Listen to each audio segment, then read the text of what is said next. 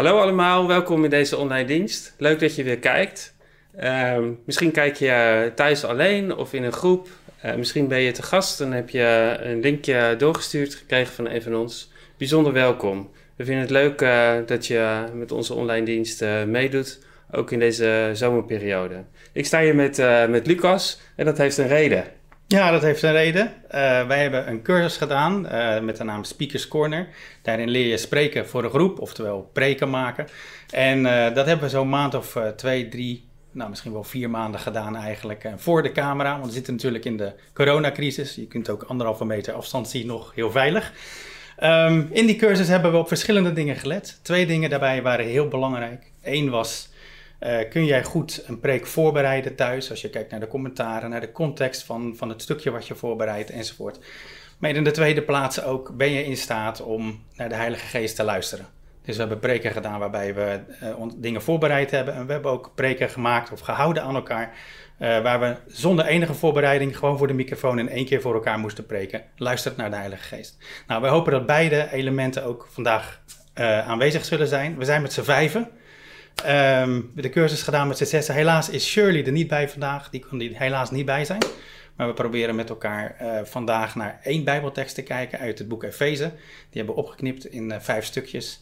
En we pakken allemaal een klein stukje en we hopen dat daar een mooie lijn in zit en dat jullie daar heel sterk door bemoedigd zullen worden. Vader, dank u wel dat we zo uh, ja, bij elkaar mogen zijn en dat uw Heilige Geest ons verbindt, waar we ook zijn, of we nu thuis zijn of misschien op vakantie. Heer, ehm, kom met uw geest bij ons en, en raak ons aan. Dank u wel dat uw geest ons, ons één maakt, één van, één van geest, één van hart en uh, Heer, ik bid dat u, uh, dat u echt heel dichtbij komt. Dat we uh, ja, u echt mogen ontmoeten zoals u bent. En Heer, ehm, ja, help ons om, om echt ons hart te openen voor eh, wie u bent.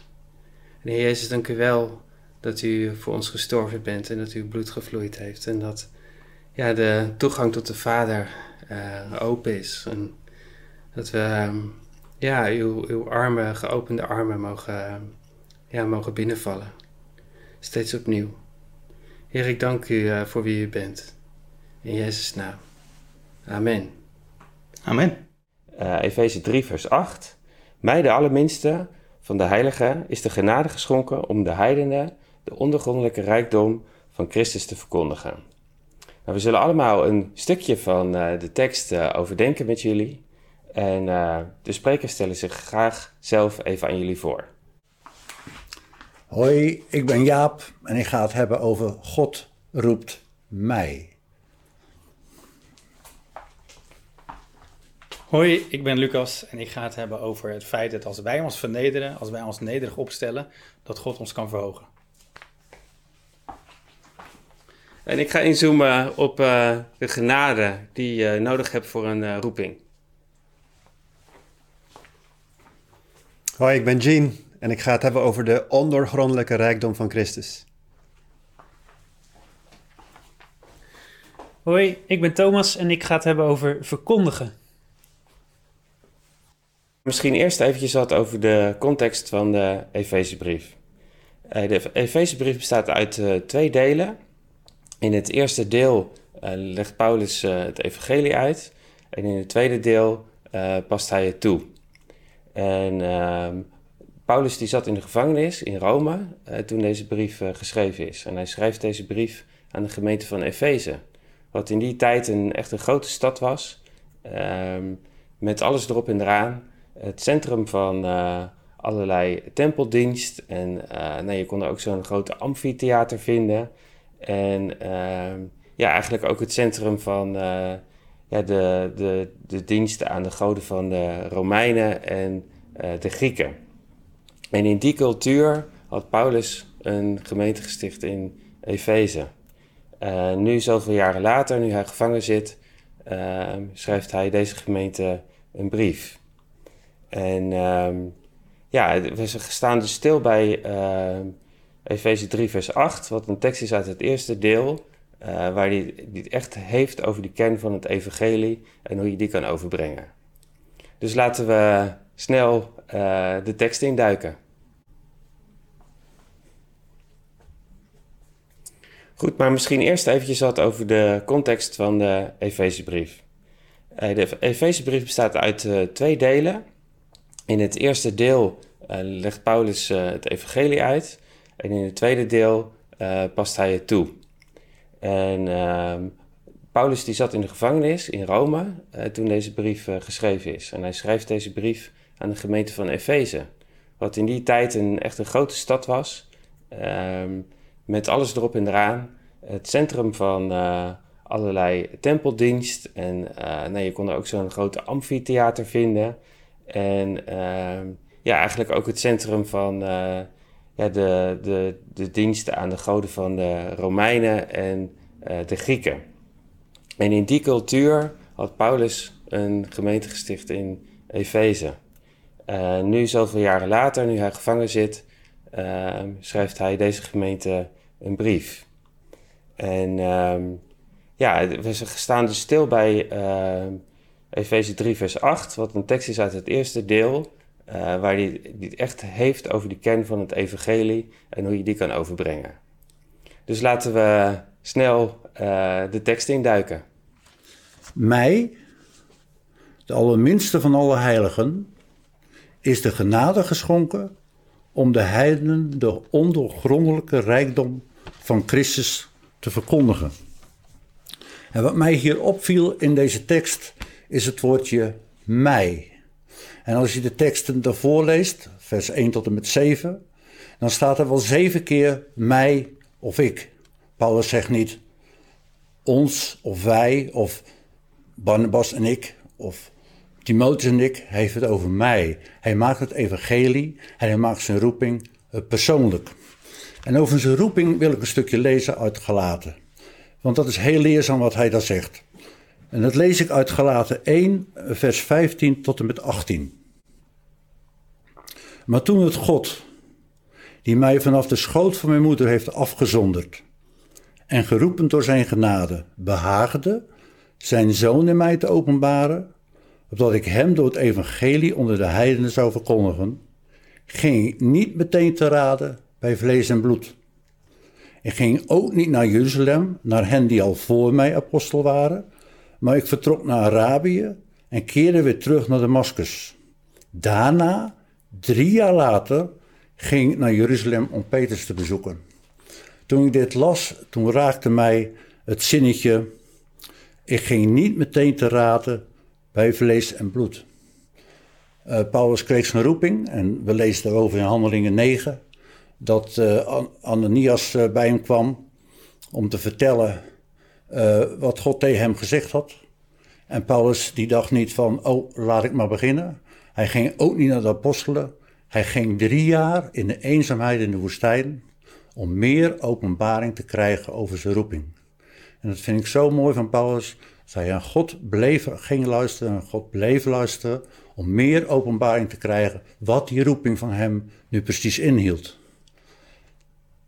En God heeft jou ook geroepen. En die stem van binnen, die heb je gehoord. Maar wat heeft God gezegd? Wat heb je ermee gedaan? Heb je gehoorzaamd? Heb je gezegd van Heer, u roept mij en ik ga doen wat u zegt. Toen ik uh, hier mee bezig was, toen dacht ik aan twee mensen die Jezus zegt van volg mij. Het staat in Lucas 9. Hij zei, uh, Jezus roept twee mensen om hem te volgen. En de reactie van die mensen is, uh, ja, uh, maar ik moet, ik moet eerst. En Jezus wijst deze mensen terecht. Hij zegt, eigenlijk zegt hij, als je me wil volgen, dan is maar één optie. En dat is gehoorzamen, meekomen. Je kunt geen voorwaarden stellen aan het volgen van Jezus. En als je er goed over nadenkt, dan is de eerste reactie van: ja, maar die mensen wilden alleen maar hun familie uh, begroeten. Of één wilde zijn vader begraven. Wat is daar nou op tegen? Ik denk dat Jezus duidelijk wil maken dat er niets tussen jou en je roeping mag komen. Er is maar één weg die je roeping succesvol zal maken. En dat is doen wat hij zegt. Luister naar de stem. Toen ik uh, Meer dan 40 jaar geleden werd geroepen. Meer dan 40 jaar geleden. En ik gehoorzaamde niet. Voornaamste reden was, ik dacht dat ik niet geschikt was. Hoe dom kun je zijn? Genade maakt geschikt. Als God iemand roept, dan zal hij die persoon ook geschikt maken voor die roeping. Dus daar wil ik je voor uitnodigen. Wat is er mooier dan te gehoorzamen aan de roeping van God? Want hij weet precies wie jij bent. Hij kent jou beter dan je jezelf kent. En hij geeft een toekomst die je nooit zelf had kunnen invullen. Dus de uitnodiging van God is: volg me, kom, volg mijn roeping. En ik zal je een fantastische toekomst geven. Ik zal je nooit teleurstellen, want ik ben een goede God. Uh, Efeze 3, vers 8 dus. Mij, de allerminste van alle heiligen, is de genade geschonken om de, heiden, om de heidenen de ondergrondelijke rijkdom van Christus te verkondigen. Uh, wat mij opviel, of in ieder geval wat aan mij gevraagd was om, waar, om over te spreken, is over dit gedeelte, namelijk de allerminste van alle heiligen. En wat ik daar bijzonder aan vind, is dat, um, dat Paulus zich zo noemt. Ik, vroeg me eigenlijk af, waarom zet hij dit erbij? Waarom zegt hij niet gewoon uh, genade geschonken om de rijkdom te verkondigen? Waarom zo bijna denigrerend de allerminste van alle heiligen? Nou, ik denk sowieso twee redenen, misschien zijn er meer redenen. Maar een van de redenen is denk ik dat hij uh, zich een beetje geneert. Hij heeft een hele grote opdracht, terwijl hij denkt van ja, weet je, waar kom ik vandaan? ik was uh, een christenvervolger.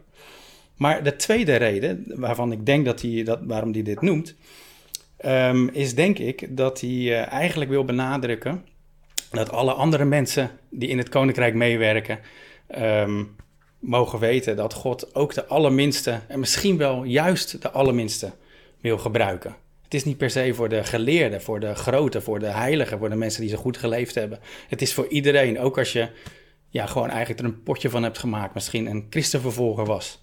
Of een slavenhandelaar, of weet ik veel, of een drugshandelaar. Dus um, nou ja, dat, uh, dat is natuurlijk goed nieuws voor ons allemaal. God kan ons allemaal gebruiken. Um, ik wil één verhaaltje vertellen, want ik heb eerlijk gezegd best een beetje een keurige leven. En ik heb er ook wel eens een beetje um, met jaloersheid naar gekeken. Ik heb wel eens gedacht van, was ik nou maar drugshandelaar geweest? Dan wist ik tenminste hoe, hoe slecht wij als mensen waren en hoe geweldig God ons wil gebruiken. Maar ik ben gewoon een keurig vent geweest. Um, ik was uh, bij de navigators bijvoorbeeld uh, ook weer huisgroepleider, zoals ik dat nu ook mag zijn. En uh, ik dronk niet te veel en ik rookte ook niet zoveel. Dus uh, ik vond me eigenlijk zelf best een keurige kerel. En ik geloof wel dat ik de genade van God nodig had, maar ik vond mezelf eigenlijk al best wel goed genoeg. Nou, dat soort mensen die hebben extra veel genade nodig. Um, en ik heb daar uh, met iemand over mijn, met, in mijn huisgroep over gesproken. Dat was een dame, laten we haar Maaike noemen. Zij vertelde mij dat zij zich heel schuldig voelde en eigenlijk totaal niet zou voldoen voor het werk voor de Heer. Um, en dat, uh, dat hoeft natuurlijk niet, want we zijn vrij en we mogen weten dat we vergeven, zijn en alles. Maar ik vond er ook iets bijzonders in zitten. En ik dacht van, jij snapt in ieder geval meer wie wij zijn als gevallen mens dan ik. En ik mis dat ergens. En toen zei ze tegen mij van, joh, je kunt er ook om bidden. Dus uh, nou, dat uh, heb ik gedaan. en toen gaf God mij op een gegeven moment een beeld. En ik vind het altijd leuk om beelden te delen. In dat beeld, niet dat ik er heel erg trots op ben wat God mij liet zien, maar goed, in dat beeld uh, zag ik mezelf zitten op een stoel en achter mij stond de Heer Jezus. En ik zelf uh, keek naar beneden, naar uh, diep in de verte eigenlijk, en in de verte zag ik een stad liggen. En die stad, die zou ik willen noemen de stad van verderf. Het was echt een grijze, grauwe stad waar de dood eigenlijk heerste. En uh, ik was heel erg gefixeerd om dat te doen waar ik zin in had, waar ik naartoe wilde. En dat was naar die stad. En ik luisterde niet naar de Heer Jezus die achter mij stond. Mijn oren waren echt volledig dicht. Nou, toen ik dat beeld zag in het gebed, toen dacht ik, uh, wow, dat is niet zo, uh, niet zo mooi. is niet zo erg om trots op te zijn. en ik schrok er natuurlijk ook een beetje van. En natuurlijk is het niet zo dat ik heel mijn leven zo was. Want nogmaals, ik was een keurige huisgroepleider bij de navigators. En ik las de Bijbel en ik was vriendelijk naar iedereen en zo. Dus zo erg was het niet. Maar ik denk wel dat de Heer hiermee zei: van luister, dit is waar je vandaan komt. Dit is de aard van de mensen die, uh, die gevallen zijn en gered moeten worden. En diezelfde aard, diezelfde eigenlijk duistere kant, die zit nog gedeeltelijk in mij. Want dat herken ik ook. Ik herkende me heel erg in dat beeld. Eh, dat er momenten zijn in mijn leven dat ik echt mijn oren voor God dicht heb en gewoon echt strak mijn eigen gang wil gaan. En daar hebben we genade voor nodig. En God wil het ons laten zien. Dus, ehm, nou goed, we mogen niet te lang spreken. We spreken met z'n vijven vanavond, maar dit wilde ik graag meegeven.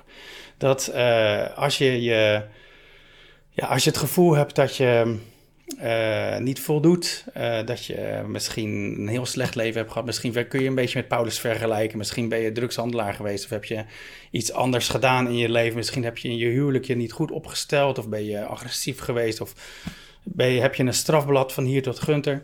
Ik denk dat het mooie nieuws is van wat Paulus hier zegt. Dat, uh, dat, het dat genade voor iedereen is. En juist voor iedereen. En voor de mensen als ik, die misschien een beetje netjes geleefd heb. Uh, misschien zijn er wat kijkers die ook zo uh, misschien een hele nette, wat nettere achtergrond hebben. Wij hebben misschien wel meer genade nodig, maar God wil het ons allemaal laten zien. Uh, Jezus zegt ook dat, dat de graanskorrel eerst moet sterven. We moeten eerst daar komen wie we waren voordat we gered werden. En dat was stevig, want de Efezebrief zegt duidelijk dat we dood waren. We zijn van dood naar leven overgegaan. Het is niet dat we een beetje krakkemikkerig waren of ziek, maar we zijn echt van dood naar leven. Maar wij, mij is de genade gegeven, ons allemaal is de genade gegeven. Of je nou uh, heel slecht bent geweest, of misschien uh, jezelf wel een 7 of een 8 vond. Hè? Nogmaals, je hebt dan misschien wat meer genade nodig. Maar God wil ons allemaal gebruiken. En uh, dat wil ik jullie meegeven. Ik hoop dat dat jullie op een of andere manier zegent. Ja, dat is een prachtige tekst die we met elkaar bespreken. Mij, de allerminste van alle heiligen, is de genade geschonken om de heidenen, de ondergrondelijke rijkdom van Christus te verkondigen. En ik ga in dit stukje eventjes inzoomen op uh, het woord genade. Paulus zegt, uh, mij is genade geschonken. En ehm, Paulus was genade geschonken om, om zijn roeping die hij van Jezus had gekregen, zijn opdracht, om die uit te leven en die te vervullen. En daar was hij zich enorm van bewust. En de opdracht van Paulus die was niet eenvoudig. Hij moest het evangelie brengen naar een cultuur die daar uh, niet op zat te wachten. Een cultuur met andere goden. Een, andere, een cultuur met allerlei andere gewoontes. En in 1 Timotheus uh, eh, 2, daar kun je lezen um, hoe Paulus die opdracht eigenlijk precies begrijpt en verstaat. Daar staat het volgende: Om dit te verkondigen ben ik als apostel aangesteld. Ik spreek de waarheid, ik lieg niet. Ik ben aangesteld als leraar voor de heidenen om hen het geloof en de waarheid te onderwijzen. En toen ik hierover nadacht, uh, dat Paulus is, heeft genade ontvangen voor deze opdracht. Toen moest ik eigenlijk nadenken aan uh, ja, de preek die ik laatst gehouden heb over uh, Openbaring 2, vers 17, over de witte steen. Die gaat uh, over jouw naam. Hè? Daar staat: Ik geef jullie een witte steen waar een nieuwe naam op staat. Niemand kent die naam, behalve degene die de steen krijgt. En we hebben toen nagedacht over uh, wie je bent en hoe uh, God jou ziet. Nou, uh, de tekst die ik net voorgelezen heb uit Timotheus, die laat eigenlijk zien ehm, wat Paulus ontvangen heeft, ehm, hoe God hem ziet. Een eh, leraar voor de heidenen. Ik denk dat dat op Paulus' steen geschreven staat. En als we kijken naar de, vruchten daarvan, uh, dan is dat natuurlijk immens. Dat, uh, dat Paulus als apostel uh, voor de heidenen eigenlijk het evangelie gebracht heeft in Klein-Azië en dat het vervolgens is uitgebreid en dat uiteindelijk ook wij het evangelie hebben mogen horen. En ehm, dat is een enorme, enorme vrucht. Dus als we leren om uh, je genade te ontvangen die nodig is om de opdracht die God jou geeft uh, te vervullen, dan kan dat hele grote gevolgen hebben. En ik ben dus eigenlijk ook wel benieuwd. Um, heb je er wel eens over nagedacht? Waar heb jij genade voor ontvangen? Um, wat is jouw naam op de witte steen? Wat is jouw opdracht uh, in Gods koninkrijk? Waar wil God jou voor gebruiken? Waar wil hij jou voor inzetten? En het kan zijn dat je dat uh, nog niet weet of dat je in een proces zit om dat te ontdekken. Maar Paulus die uh, had het ontvangen uh, van de Heilige Geest. En Jaap refereerde daar net al even aan de ontmoeting die ehm, Paulus had met Jezus. daarin eh, heeft hij die opdracht ontvangen. En ehm, dus ik wil jullie eigenlijk uitnodigen om Jezus te ontmoeten en van Hem te horen eh, wie jij bent, wat jouw naam is op de steen. En dan zal je ook krachtig zijn ehm, ja, in je bediening, omdat hij dan gebaseerd is op iets wat, in de, wat vanuit de hemel komt. Iets wat, uh, waar jij genade voor geschonken uh, wordt. Net zoals Paulus die genade ontvangen had. Mij, de allerminste van de heiligen, is de genade geschonken om de heidenen de ondoorgrondelijke rijkdom van Christus te verkondigen. Ik wil het met jullie hebben over de ondoorgrondelijke rijkdom van Christus. Wat, wat is dat? Nou, de Bijbel in gewone taal heeft het over de onvoorstelbare genade van Christus. Uh, je kan hem wel kennen, net als de oceaan, maar je weet niet hoe diep die is. Zo kan je het een beetje vergelijken. Nou, wat is die ondoorgrondelijke of onvoorstelbare rijkdom van Christus? Nou, uh, de tijd ontbreekt om hierop in te gaan, maar in Efeze 2 wordt gesproken over wat het voor Israël betekende. Uh, rijkdom van beloften die voor hun gelden. God zou hun God zijn. Denk aan de belofte die God aan Abraham gegeven heeft. Um, en zo zijn een tal van andere beloften die voor Israël gelden. Maar waarom niet voor ons? Waarom zal God ons helpen? Nou, het mysterie wat Paulus in Efeze 3 uh, uit de doeken doet, is dat het ook voor ons geldt. En ik vat het kernachtig even samen uit Efeze 3, vers 6. Daar staat: De heidenen delen door Christus Jezus ook in de erfenis, maken deel uit van hetzelfde lichaam en hebben ook deel aan de belofte op grond van het evangelie. Dus ja, die rijkdom, die beloften, die eigenlijk voor Israël bedoeld waren, die gelden nu ook voor ons. Want we zijn één lichaam, wij zijn, uh, behoren tot Gods volk. Um, laat ik gaan naar een toepassing.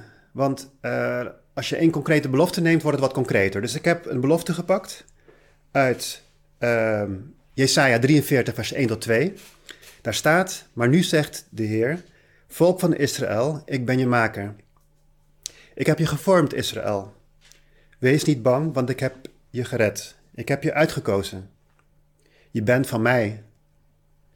Als je door het water gaat, zal ik bij je zijn. Als je door rivieren gaat, zul je niet weggespoeld worden. Als je door het vuur gaat, zul je niet verbranden. De vlammen zullen je niets doen. Ja, vroeger zouden we zeggen, ja, waarom zal God dit nou voor ons waarmaken? Maar door Christus, doordat wij deel hebben aan die ondoorgrondelijke rijkdom van Christus, mogen deze beloften voor ons toepassen. Dus concreet, uh, helpt mij uh, met name als ik aan het bidden ben. Uh, de rivieren zullen je niet overspoelen. Het vuur zal jou niet verbranden. Uh, jij zult door die rivier heen kunnen gaan. Ik heb er talloze keren mogen zien dat ik, met name op mijn werk, um, overmand door werkstress, dacht van dit ga ik niet meer trekken. Um, ik raak overspannen en dat ik God bad Heer, help mij door deze rivier. Uh, help mij door uh, dit vuur, soms ook vuur van een beproeving. Je komt door allerlei verleidingen door en, en God heeft mij er doorheen geholpen. Uh, ik heb laatst een heel klein voorbeeldje van hoe ik opnieuw merkte hoe rijkdom, hoe uh, die rijkdom van Christus is. Want het geldt voor grote dingen. Nou, werkstress kan voor sommigen heel groot zijn, maar ook voor kleine dingen.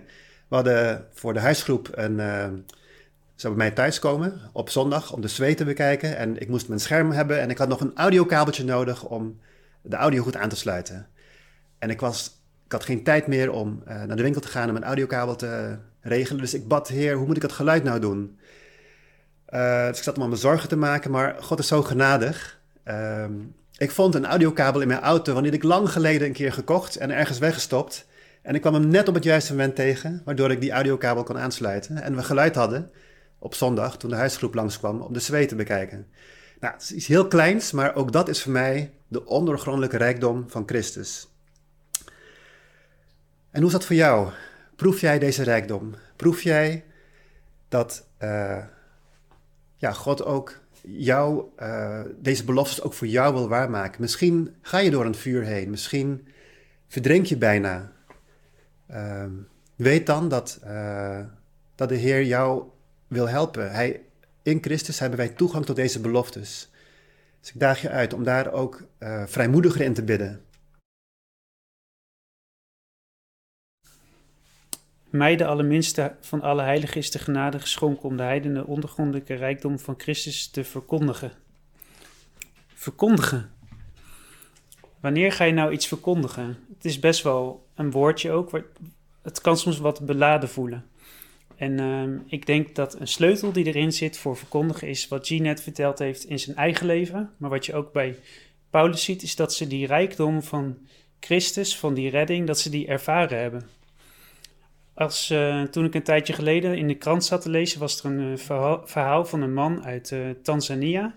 En die had twee edelstenen gevonden van bij elkaar wel 8 miljoen. En hij was een simpele mijnwerker en hij heeft met die 8 miljoen euro, heeft hij, was hij zo blij mee dat hij zei, ik ga mijn hele dorp ga ik, helpen. Ik ga voorzieningen neerzetten. En hij was dus aan het delen, hij was aan het verkondigen. Eigenlijk in woord en in daad was hij aan het uitdelen van wat God, of wat als, als beeld van wat God ook aan ons gegeven heeft, was hij dus daar ook enthousiast over, was hij vrijmoedig. En die vrijmoedigheid, dat uitdelen van die rijkdom, dat zie je ook vaak terug bij jonge gelovigen. En uh, Paulus, die bidt aan het eind van de Efezebrief ook om vrijmoedigheid. Dan zegt hij van, um, bid voor mij dat ik ook die vrijmoedigheid mag ontvangen. Ik kan me voorstellen dat je misschien zelf denkt van, ja, ik vind het spannend om te verkondigen. En ik denk dat daarbij kan helpen om weer terug te, te grijpen van wat heb ik in mijn leven ervaren waar ik enthousiast over ben met God. Als ik met iemand aan het praten ben en er gaat wat minder met me en iemand vraagt mij, wat vond je nou echt mooi wat je met God meegemaakt hebt? Dan kan ik daarover terugdenken en dan word ik vaak weer enthousiast. En ik denk dat um, als je ook kijkt naar het leven van Paulus, dat hij ook een tentenmaker was. Hij was twee jaar lang was hij ook gewoon een tentenmaker. En dat heeft hij ook de rest van zijn leven, heeft hij ook gewoon als tentenmaker heeft hij gewerkt. En dat is dus ook gewoon op een normale manier in de plek waar je bent, de manier die bij jou past, zoals, zoals Bram het ook gehad heeft over die steen. Wat past bij jou om te verkondigen? Dus je hoeft niet allemaal op de hoek van de straat te staan. Nee, je mag allemaal op de manier die bij jou past, op de plek waar je bent, op je werk, op school, in de klas, Waar je ook bent, mag je jezelf zijn en kijken waar ben ik enthousiast over en waar kan ik vertellen. En niet vanuit een moeten, maar vanuit als je de mogelijkheid ziet om daar iets over te vertellen. En als je misschien denkt, oh, ik heb een kans gemist, dat maken we allemaal wel eens mee. Dat we denken, oh, ik had misschien toch wat willen vertellen. En dat is het mooie, we hoeven niet perfect te zijn, daar kunnen we van leren. En uh, ja, als je denkt, ik vind dat spannend, dan mag je ook weten dat zelfs Paulus dus zelfs bidt voor zichzelf, degene die overal naartoe gaat om te verkondigen dat zelfs hij bidt voor vrijmoedigheid. Dus daarmee, daarmee wil ik je bemoedigen. Amen.